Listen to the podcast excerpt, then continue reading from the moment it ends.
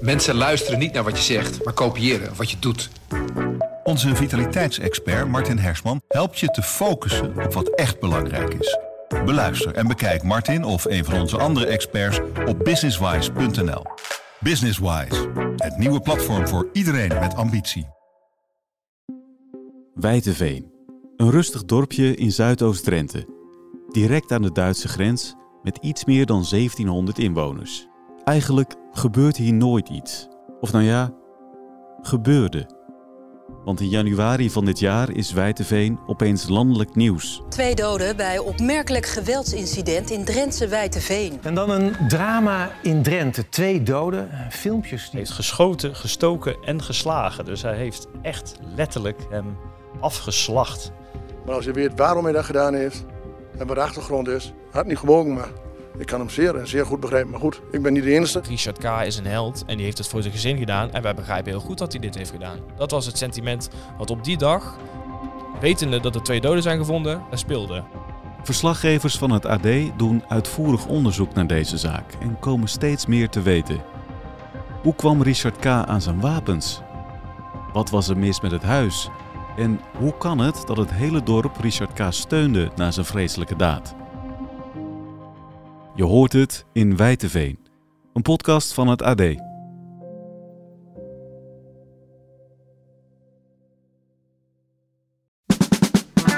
Dit is de podcast Politiek Dichtbij.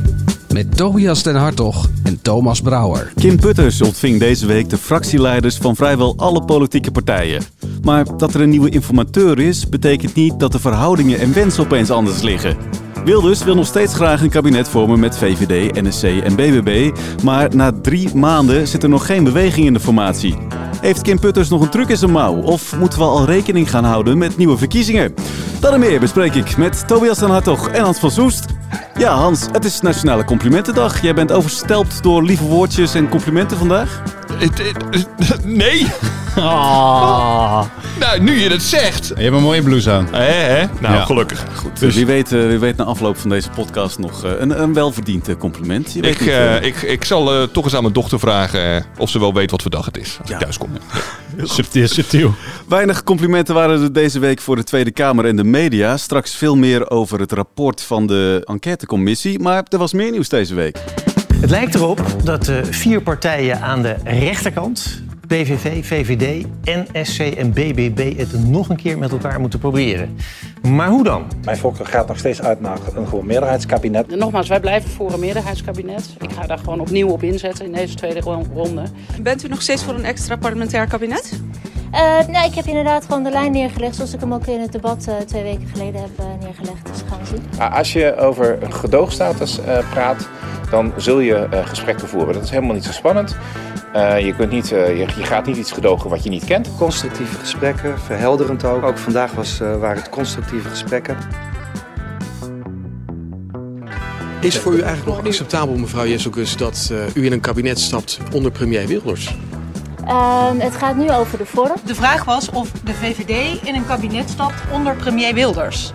Maar dat zou kunnen. Maar dat zou ook niet kunnen. Want dat hangt er vanaf wat voor vorm het kabinet heeft. En daar gaan deze gesprekken over. U doet alsof het een uitgemaakte zaak is. Maar dan hadden we die twee weken met de heer Putters niet nodig. Ja, na een week reces ontving informateur Kim Putters begin deze week de fractieleiders van de meeste politieke partijen. Nou ja, we zijn eruit, hè? het is helemaal duidelijk. Nou ja, het was verhelderend, zei Kim Putters Ja, zelf. Ik, ja. weet, ik bedoel, hij heeft waarschijnlijk iets anders gehoord dan wij. Dat zal ongetwijfeld ook, want hij zat met ze in een kamertje. Maar heel verhelderend is het natuurlijk nog niet. We zitten natuurlijk met z'n allen toch een beetje naar een herhaling van zetten te kijken. Ja, want wat weten we meer dan dat we maandag weten nu? We weten nu in ieder geval dat formeel binnen ook NSC, want dat kan niet anders, hè, dat Pieter Omtzigt heeft gezegd, joh, dat meerderheidskabinet, dat zie ik niet gebeuren. Dus dat, dat weten we nu, nou eigenlijk weten we dat niet eens, want dat is niet gezegd, maar dat moet gebeurd zijn. Oké, dus die kunnen we afstrepen. Me- Maar dat, hadden we, dat wisten we eigenlijk al, want daarom was het... Daarom was Da- het stuk. ja. Ja. dus maar goed, dat is nu wel formeel. Je hebt het over afstrepen. Dat is wat je doet inderdaad. Al die opties een keertje langslopen. Dus daar kan wel een streep, in ieder geval met potlood doorheen. Wat staat er dan nog op de optielijst? Een minderheidskabinet. Nou, dan is de vraag, PVV en BBB die gaan daar wel in dus. Maar wie gaat dan gedogen? Is dat de VVD of is dat NSC? Eigenlijk willen ze allebei die positie. En zo ja, hoe gaat zo'n gedoogconstructie er dan uitzien? Nou, en dan heb je nog Als, hè, als, als je op het punt komt van de minderheidskabinet van de VVD zegt ja, maar ik wil niet dat eh, eh, die gedeugt en, eh, gedoogt en NSC zegt ja, maar dan, dan, dan, dan wil ik het ook niet. Ik wil, niet, ik wil de gedogen zijn. Ja, dan kom je op een extra parlementair kabinet waarvan niemand weet wat het precies is en waarvan je dus ook weer moet onderhandelen van ja, ga je er dan een beetje in? Ga je er helemaal in? Ga je ministers leveren? Ja of nee? Dus ja, Putters ligt nog een beetje dezelfde knoop voor als de knoop die eh, zijn voorganger Plasterk heeft laten liggen. Hoe gaat hij dit dan oplossen? Ja, constructief en goede gesprekken voeren. Dat en is verhelderend. Had ik al gezegd verhelderend? ja, verhelderend. Ja, dus, nou ja, kijk, uiteindelijk bij informatie gaat het ook gewoon om afstrepen van mogelijkheden. En zolang er nog heel veel mogelijkheden zijn. Kijk, formeren partijen zijn al onder het onderhandelen. En aan het begin van een onderhandeling doet elke partij probeert zijn huid zo duur mogelijk te verkopen. Dat, dat is in elke formatie eigenlijk wel een beetje hetzelfde. En dit hoort nog wel een beetje bij het spel, alleen het duurt wel heel erg lang. 100 dagen. ja. We zitten nu op 100 dagen. Nou ja, dat is het gemiddelde Ja. van een kabinetsformatie Ja. in Nederland. Dus nou ja, daar gaan we dus in elk geval overheen. Maar bij informatie is het dan dus ook belangrijk, omdat eh, partijen eh, hun kaarten zo lang mogelijk op hun borst houden, dat je dan mogelijkheden gaat afstrepen. Hè? Dat is de taak van een informateur. Nou, dat is Putters nu aan het doen. Dus hij kan nu zeggen, nou oké, zo'n rechtsmeerderheidskabinet, dat gaat er dus niet lukken. Dan gaat u nu praten over eh, minderheidskabinet. Nou, dan zal of de VVD of de NSC moeten bewegen. Want iedereen is het erover eens. Twee gedogende partijen, dat gaat sowieso niet. Dat zal nu eerst moeten gebeuren. Maar wordt dit dan gewoon een stare-down tussen Omtzigt en Jezegus? Ja, ik denk het wel. Ik denk dat je eh, nog even een paar dagen een stare-down hebt. En als die, als die optie ook echt afvalt, minderheidskabinet, dan ga je nog weer een moeilijke eh, puzzel tegemoet. Namelijk, hoe gaat zo'n extra parlementair kabinet dan uitzien als je, daar, uitzien als je daarvoor wilt gaan? En ik denk dat we geduld moeten betrachten. Ik vrees dat we volgende week weer in deze situatie zitten. Want eh, Putters heeft vier weken de tijd gekregen. Heeft nu twee weken gehad. Er komen nog twee weken aan. En het is een klein beetje zoals thuis als jij tegen je eh, kinderen zegt... Je, je moet de afwas doen en wel voor zeven uur. Nou, dan beginnen ze om één voor zeven. En dat is met die formatieperiodes ook altijd. Als de deadline twee weken is of vier weken is voor zo'n informateur... dan neemt hij ook twee weken of vier weken. En dat gaat Putters natuurlijk ook doen. Ik zag aan de hand dat hij dat heel anders heeft geregeld thuis. Ja, heb jij dat eh, je dochters altijd eh, kort gehouden? Nou ja, ik doe zelf dan Oh, dus ja, de afwas. ja. Dat is dan Ja, altijd de consequentie. al. Ah, Ja, kijk. Nou, wie weet is dat nog de, de Informateur van de- niks, ja. Eh, Geert Wilders die zegt er nog steeds alles te willen doen om een rechtskabinet mogelijk te maken. Zo is de PVV nu ook bereid om Oekraïne financieel en materieel te blijven ondersteunen. Nou, weet u, Nederland heeft snel een eh, kabinet nodig. Eh, wij willen eh, vaart maken, dus wij bewegen ook. U heeft dat eerder gezien met eh, de rechtsstaat en de wetten die wij in de ehm, koelkast, vrieskist, weet ik hoe je het noemen, hebben ingetrokken. Eh, we willen nu praten eh, inderdaad over de mogelijkheid voor steun aan de Oekraïne. En ik hoop maar dat andere partijen ehm, net zo snel zijn, want tot nu toe zijn we de enige die een beweging maken. Ja, de opvallende draai van de PVV, want ze waren eh, eigenlijk sinds het begin van de inval in Oekraïne tegen die steun. Ja, we hebben- En we hebben die, de- die debatten van de week nog gehad, waarin eh Juri Pol eh, bijvoorbeeld uithaalde hè, van PVV. En dat moest dan later worden gecorrigeerd door een andere PVV'er. Ja, dit is wel weer een opvallende move, toch? Ja, tegelijkertijd is het ook wel een makkelijke eh, geste die Wilders kan maken. Want je kunt natuurlijk zeggen van nou, hij doet een geste. Hè. Hij zegt nou, dit laat ik los. eh, maar hij weet ook, eh, dit standpunt, geen hulp geven aan de Oekraïne. Daar is bij lange na geen meerderheid voor in de Tweede Kamer. Dat ging hij sowieso niet eh, eh, halen. Dus ja, natuurlijk geeft hij dat weg. En dan kan hij nu zeggen, kijk eens, eh, ik maak wel een beweging. Dit kwam wel die geste van Geert Wilders. één dag nadat er negen fracties in de Tweede Kamer, hè, onder de VVD, NSC, BBB, maar ook GroenLinks, PvdA, Partij voor de Dieren, ChristenUnie, CDA, D66, een gezamenlijke verklaring hadden doen uitgaan, die vrijdag, waarin stond... Wij blijven Oekraïne steunen. Economisch, militair, sociaal. Wij blijven Oekraïne steunen. Ja, dus dat had hij hoe dan ook al verloren. Frans Timmermans die was ook eh, sceptisch. Zijn eh, bewondering voor Poetin heeft hij jarenlang niet onder stoelen of banken gestoken. Zelfs, zelfs, zelfs eh, vier jaar na het neerhalen van MH17, zelfs na de bezetting van een deel van Georgië, zelfs na de bezetting van de Krim, bleef hij zeggen dat Poetin toch zo'n fantastische leider was. Hij heeft wel wat water bij de wijn. Zeker heeft hij gedaan. Maar op dit soort onderwerpen eh, is natuurlijk de vraag gerechtvaardigd. Meen je dat nou of doe je dat alleen maar om eh, een kabinet voor elkaar eh, te kunnen krijgen? Ik vind onderwerpen van oorlog en vrede, van leven en dood, dat zijn niet onderwerpen die je even uitruilt. Daar heb je een positie op. Ja, die skepsis die is er niet voor niks, want een dag nadat Wilders dus zegt... ik ben bereid om steun en financiële middelen te, te leveren. Gaat het in de Eerste Kamer over dit probleem? En dan stemt de Eerste Kamerfractie van de PVV tegen de Nederlandse bijdrage van het EU-steunfonds voor Oekraïne. Bij de PVV heb je toch al het idee, die doen wat Wilders zegt. Dat is dus niet zo, want de Eerste Kamer doet dan niet wat Wilders zegt. Ja, nou, ik, ik denk dat ook de Eerste Kamer eh, doet wat uh, Wilders zegt. Al heeft hij eh, in het verleden wel eens gezegd dat de Eerste Kamer een eigenstandige positie innam. Maar daar geloof ik eerlijk gezegd niet zo heel erg veel van. Ik bedoel, we weten allemaal hoe er binnen de, VV, binnen de PPV dit soort dingen worden kort gesloten. Alleen de PVV kon hier nog makkelijk tegen stemmen, want waar Wilders het over had, is natuurlijk toekomstige steun. Nou ja, en hij weet ook, uh, er moet, als wij straks in een kabinet komen, dan komt dadelijk weer die vraag uh, op tafel: blijven wij Oekraïne steunen? Nou ja, en dan zegt hij eigenlijk min of meer: dan doe ik weer mee. Doe ik mee. Oké, oké. Heeft hij de NSC en VVD nou meteen ingepakt? Ja, die waren lyrisch. Nee, nee helemaal niet. Uh, die vinden dit natuurlijk normaal, de, de, de, normaalste zaak van de wereld. Dus die, uh, bedoel, die, als, je, als, je, als je even door de oogharen kijkt, heeft Wilders best bewogen hè, met, door zijn uh, initiatiefwetsvoorstellen die zagen op islam in de ijskast te zetten. Daar kan je, kan je natuurlijk ook van zeggen, ja, dat is een wassen neus, want hij kan ze er altijd weer uithalen. Dat is ook waar. Het is in ieder geval een gebaar. En het is nog steeds maar een gebaar. Uh, maar uh, eh, VVD en NSC zullen hiervan niet, uh, niet verschrikkelijk onder de, onder de indruk zijn. Precies omdat zij weten, ja, wij hebben het tijd mee en niet hij. Geert Wilders die werd gevraagd deze week, wat kun je dan nog doen? Wat kun je dan nog doen om, om de VVD en NSC te overtuigen? Zei hij dit op? Nou ja, ik kan me constructief blijven opstellen, u vriendelijk te woord blijven staan. En um, um, um, zorgen dat waar ik kan helpen, dat ik dat doe. Ik ga niet praten over wat ik bij de um, uh, informateur heb gezegd en waar hij mee bezig is. Maar ik zeg wel dat jongens, beweeg alsjeblieft. Um, nogmaals, um, extra parlementair, een minderheidskabinet. U weet, mijn voorkeur heeft een minderheidskabinet, of een meerderheidskabinet, dan een minderheidskabinet, dan extra parlementair. Maar ik zal nergens voor gaan liggen. Ik ben ook niet degene die een van die drie blokkeert. Uh, en ik zeg, mijn oproep is aan VVD en NRC, uh, stap over je schaduw heen. Zorg dat één van die drie uh, mogelijk wordt, zodat we kunnen gaan regeren met het centrumrechts kabinet in welke vorm dan ook. Want anders is het de heer Timmermans van GroenLinks en de Partij van de Arbeid die uh, misschien het voortouw krijgt aan het kabinet wordt. dat is niet wat Nederland wil. Ja, dat is mooi hè? dat laatste stukje over uh, anders krijgt Timmermans het voor, het zeggen. Dat was namelijk wat Wilders vanmorgen bewogen om die oproep te doen. En hij had er ook een tweetje aan gewijd vroeg in de ochtend, waar hij verwees naar een artikel waarin stond van nou, als het niet lukt op rechts, dan is links aan de beurt. En daarmee ja, leek hij weer een soort van te dreigen van jongens, als dit mislukt, dan laat ik het uit mijn handen vallen en dan uh, hebben jullie het gedaan.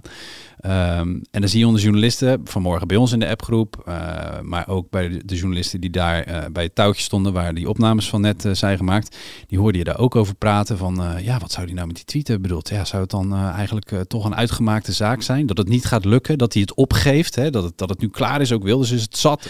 Ja, en daar, dat kan je natuurlijk lezen als, als, als een oproep, zoals hij hier toelicht, maar in de ochtend las dat ook nog een beetje als een soort dreigement van, naar die andere partijen.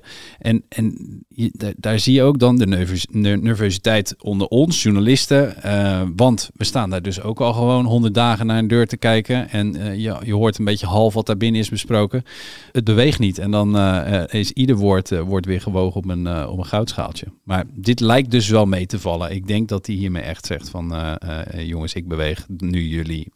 in welke mate dat dan ook waar is. Ja, tegelijkertijd, Tobias zei net, VVD en NSC hebben het tij mee. Maar dat is natuurlijk maar ten dele waar. Want ja, ze kunnen nu nog achterover blijven leunen en net zo lang hopen dat de ander een beetje toegeeft, zodat zij binnenhalen wat ze willen. Maar dat kunnen ze niet eeuwig vol blijven houden. En dat weet Wilders ook. Kijk naar de peilingen. Uh, in de peilingen blijft uh, de PVV groeien. Uh, VVD en NSC die dalen. NSC zelfs heel flink. Die zou volgens de laatste peiling van INO meer dan de helft van de zetels kwijtraken nu als er verkiezingen waren. Dus Wilders weet ook, oké jongens, dat moet je, zo lees ik zijn, uh, zijn oproep ook een klein beetje. Jullie kunnen moeilijk blijven doen, maar weet, de kiezer wil dit. Dus een van de twee zal binnen nu en twee weken gaan knippen. Nou ja, kijk, bij heel veel formaties, en ik heb best veel formaties meegemaakt, zie je dat er een partij zegt, ik wil hier echt niet aan meedoen. En als het allemaal lang genoeg duurt, dan komt er een soort van maatschappelijke druk van, waar zijn ze allemaal mee bezig daar in Den Haag? En dan gaat een van die partijen toch een keer door de pomp. Hè. We hebben het in, in, in, de vorige formatie nog gezien met de ChristenUnie. Die wilde nooit meer met Mark Rutte. Maar ja, het duurde inmiddels zo lang. En dan eh, eh, komen de grote woorden worden er gebruikt. als, Landsbelang. verantwoordelijkheid, landsbelang. Ja. En dan gebeurt het toch. Deze week werd ook het eindrapport van de parlementaire enquêtecommissie Fraudebeleid en Dienstverlening gepresenteerd. Dat is een commissie die onder andere onderzoek deed naar het ontstaan van de toeslagenaffaire. En zij concluderen dat de Tweede Kamer en de media het harde fraudebeleid van de overheid hebben aangejaagd. En er mede schuldig aan zijn dat vele duizenden burgers in financiële problemen kwamen. In een nietsontziende fraudejacht is de overheid zich op gaan stellen als tegenstander van haar burgers. De overheid heeft mensen hun waardigheid ontnomen en hun bestaanszekerheid. Dit heeft geleid tot vermorzelde levens, kinderen van wie de jeugd is ontnomen en een groot maatschappelijk wantrouwen richting de overheid. Weet u wat nou het schokkende van dit alles is? Dat dit eigenlijk al lang niet meer schokkend is. Veel is al eens gezegd, maar het probleem zit dieper. De blindheid voor mensen en voor hun rechten is er nog steeds. Dit kan morgen weer gebeuren. Ja, Hans, je hebt dat rapport gelezen. Hoe komen ze nou tot die conclusie? Nou, ehm, eh, misschien één kleine verbetering op wat jij zei. Jij zei van, eh, eh, dat ze concluderen dat de schuld bij Kamerleden en de media lag. Dat was niet hun enige conclusie. Wat ze eigenlijk concludeerden, en dat is misschien zelf toch wel heel veel schokkender, dat je niet echt een schuldige kunt aanwijzen. Wat zij heel knap hebben gereconstrueerd, hoe sinds de jaren 80 er in Nederland anders is, we anders zijn gaan kijken naar, vanuit de overheid naar uitkeringen. En dat we steeds meer de nadruk zijn gaan leggen op er moet vooral geen misbruik worden gemaakt met belastinggeld. En dat ging gepaard eh, of tegelijkertijd werd er bezuinigd, hè, want de, de, overheid zit altijd in geldnood, werd er bezuinigd op de uitvoering. Dus heel veel kantoren gingen dicht van de Belastingdienst of van andere uitvoeringsorganisaties. Dingen werden geautomatiseerd. Mensen werden in processen gestopt. Eh, mensen kregen niet meer eh, zomaar iemand aan de telefoon als ze een vraag hadden, maar moesten vragenlijsten invullen. En tegen die achtergrond kon er dus iets gebeuren bij eh, in dit geval de, eh, de opsporing van fraude met, met, met de kinderopvangtoeslag. Waarbij het volledig uit de rails eh, loopt. Waarin mensen volledig worden gemangeld. Waarin mensen ook zelfs ten onrechte van fraude worden beschuldigd. En in armoede worden gestort. Zonder dat eigenlijk iemand dat echt doorheeft. Want ja, we zitten met z'n allen op een pad. En ja, dat hebben we nou eenmaal zo gekozen. En dan, eh, dat gaat zowel over kabinet, dat gaat over de Tweede Kamer, dat gaat over media, eh, dat gaat over rechters, dat gaat over uitvoeringsorganisaties. Dus het is veel breder. En dat vind ik eigenlijk juist de meerwaarde van dit rapport. Is dat ze hebben aangetoond.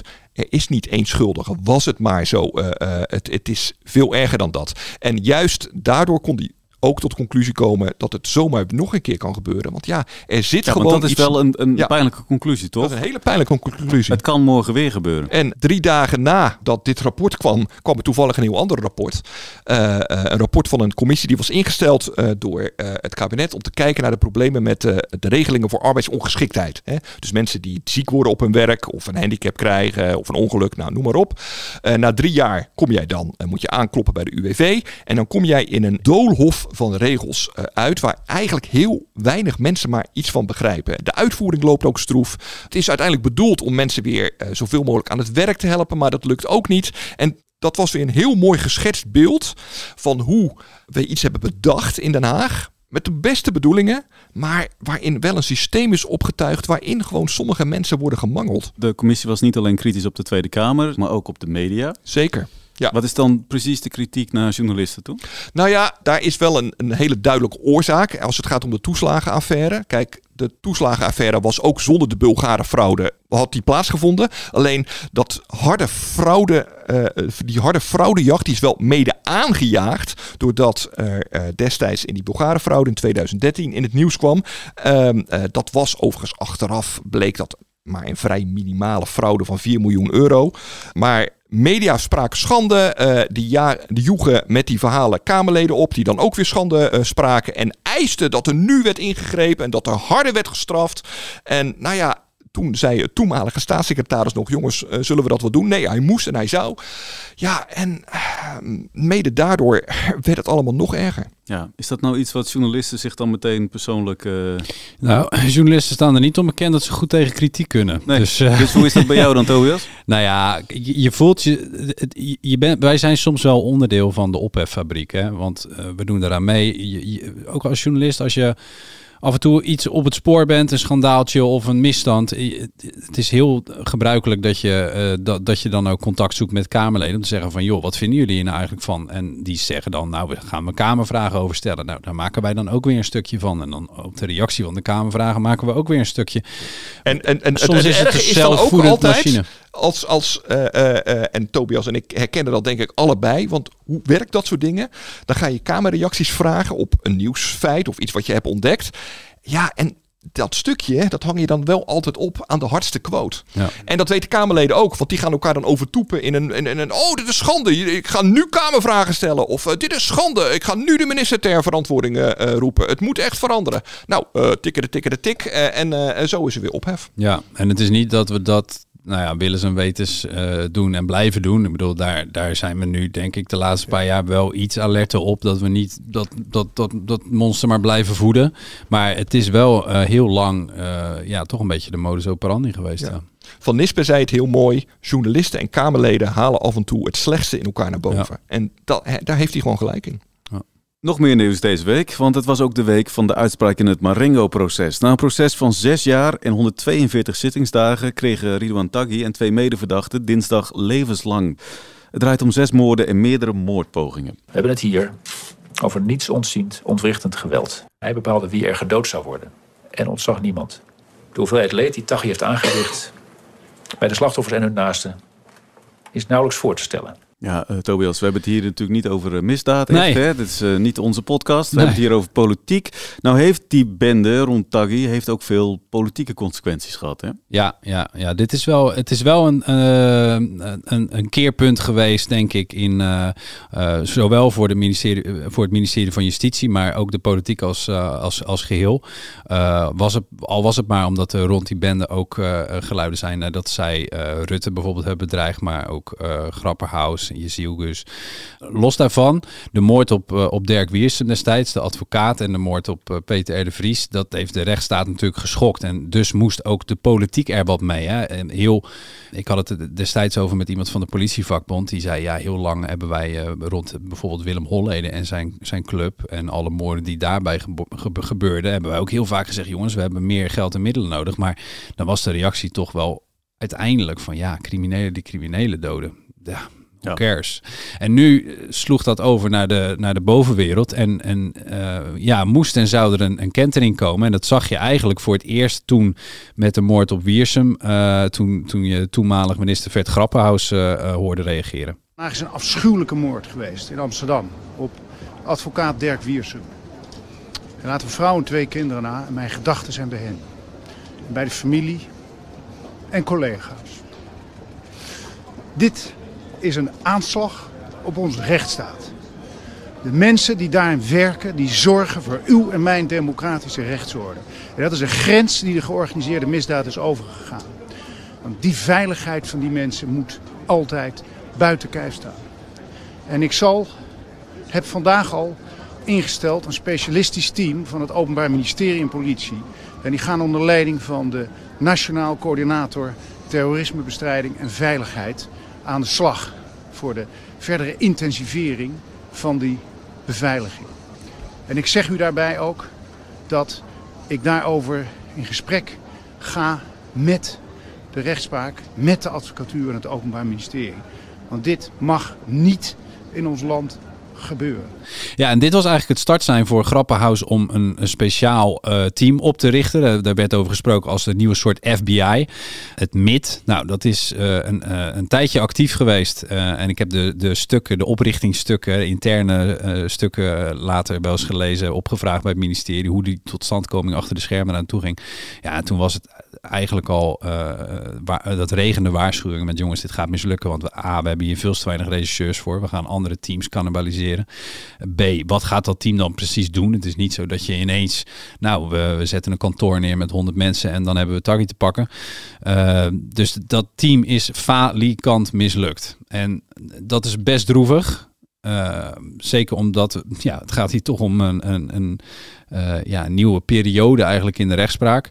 En tegelijkertijd uh, was het misschien wel onvermijdelijk. En is in de geldingsdrang van, van, van Grappenhuis en ook maatschappelijk is, is, dit, uh, is, is het toch ontstaan. Ja, tegelijkertijd Tobias, um, Ze moeten iets. Ja. Ik bedoel, we, we leven in een land waarin onze kroonprinses niet meer normaal kan Ja. studeren. Waarin, Eens. eh, en we, we kennen allemaal de voorbeelden, we zullen de namen niet noemen, maar van Kamerleden die niet eens meer normaal naar Ja. sportwedstrijden van hun kinderen kunnen kijken, omdat ze zwaar beveiligd moeten worden.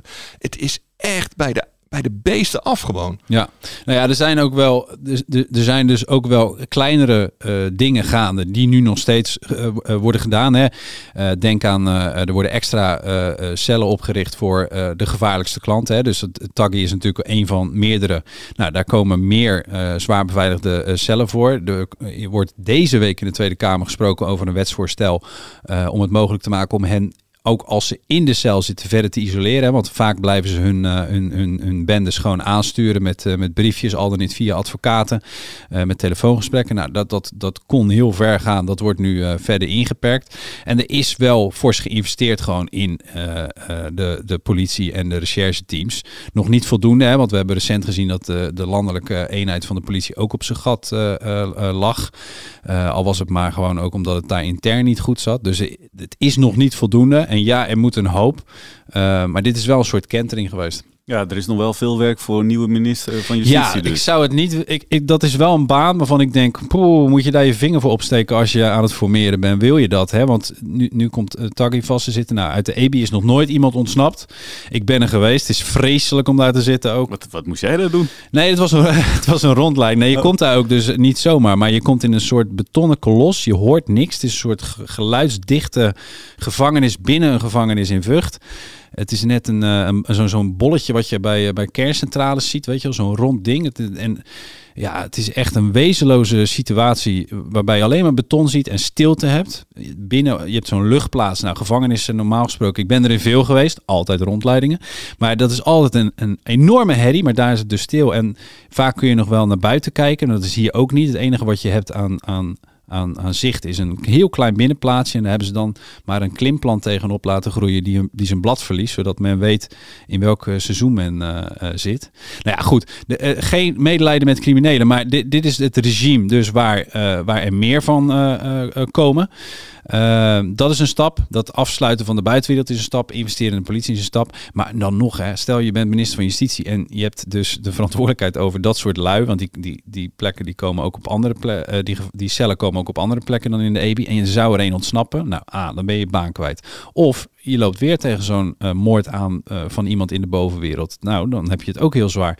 Dus het is wel een. Pff, ja, eentje ja, en, en los je... daarvan, wil je in zo'nzelfde regime leven als waar Dylan Jesugus nu al jaren ja, in leeft? Ja, zeker. Met en Grappenhuis daarvoor ook. Alsjeblieft, zeg. Ja. dat gun je toch geen... Ik, ik, nee. ik zou het niet willen. Nee, ik zou misschien ook eventjes de andere kant op kijken. Ik zou zeggen, doe mij maar volksgezondheid. Ja. ja. ja, wacht maar. Daar zou je nog wel eens spijt van kunnen krijgen. Hij heeft het nu gezegd. Ja, we, we hebben het op tape. Goed, als we dan kijken naar volgende week, jongens. Volgende week koppeltjesweek. Hè? Dus uh, uh, het wordt, uh, daar heb ik op zich ook wel weer zin in. Dan krijgen we dus bij de formatie krijg je koppeltjes te zien. Hè? Dus dan, dan, denk ik. En dan gaat Putters Wilders misschien een keertje uitnodigen met omzicht. Of Van de Plas met... Ze komen echt in ja, ja, Nog spannender, Jezielkes met omzicht. Jezielkes met ja. omzicht. Dat wordt een hele spannende. Dat wordt echt de stare-down meeting. Ja. Of er ontstaan ergens vlinders. Hè? Dat het toch leuk wordt. Maar ja, ik heb er wel, ik heb er wel zin bij in. Bij welk koppeltje zou je het liefst zitten? Is dat bij Jezielkes Ja, zeker. Ja, die stare-down zou ik wel uh, fly on the wall willen zijn. Ja. Oké, okay, uh, volgende week wedstrijdverslag dus. Ja, leuk. Ja. Jij moet een stap naar voren doen. Nee, jij moet een stap naar voren doen. ja. Uh, zijn er nog complimenten verdiend vandaag, uh, Tobias? Ik vond dat Hans het goed deed. Kijk. Jeetje jongens, ik, ik, ik ga helemaal blij naar huis. Ik dus ga toch een compliment vandaag. Snel afronden hier. Tot zo voor deze aflevering. Vind je dit nou een leuke podcast? Abonneer je dan. Dat kan via Spotify of Apple Podcast. En volgende week, dan zijn we er weer. Tot dan.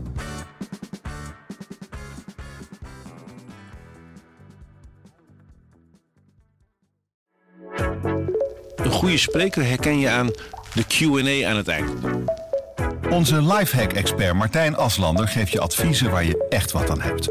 Beluister en bekijk Martijn of een van onze andere experts op businesswise.nl. Businesswise, het nieuwe platform voor iedereen met ambitie.